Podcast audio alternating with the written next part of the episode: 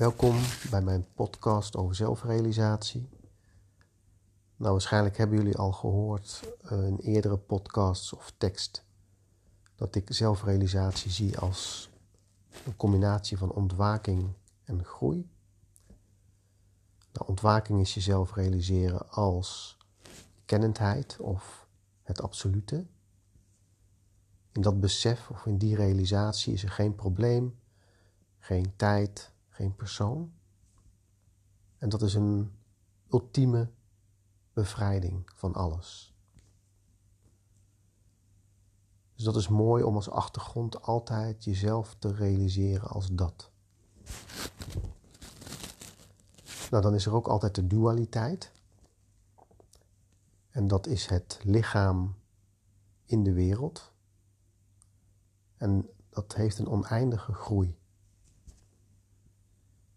Dus hoe ik het zie is dat het lichaam al in relatie is met de omgeving, met het universum. En dat wat jij bent de ervaring is van die relatie. En die ervaring van die relatie gaat via het lijf, het lijfelijke gevoel. Dus door bij het lijfelijke gevoel te zijn, is er altijd waarheid en is er altijd bestemming.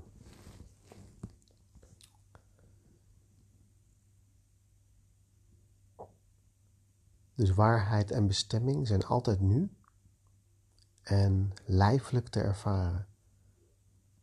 Dus elk ideaalbeeld van je bestemming, bijvoorbeeld een verhaal wat je hebt gemaakt over wat je zou moeten doen in de wereld, komt voort uit het lijfelijke gevoel. Dus eerst is dat er en dan komt het verhaal. Hetzelfde is met waarheid. Waarheid is nu. En dat wat jij ervaart is waarheid.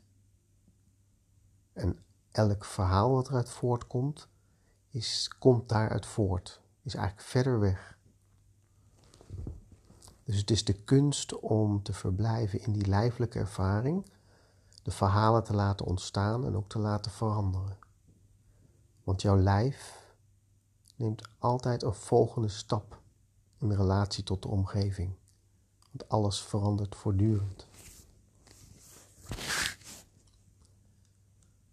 Nou, die mechanismes die onderzoeken we in de Partner Inquiry en Bodhisatsang en authenticiteitscirkel.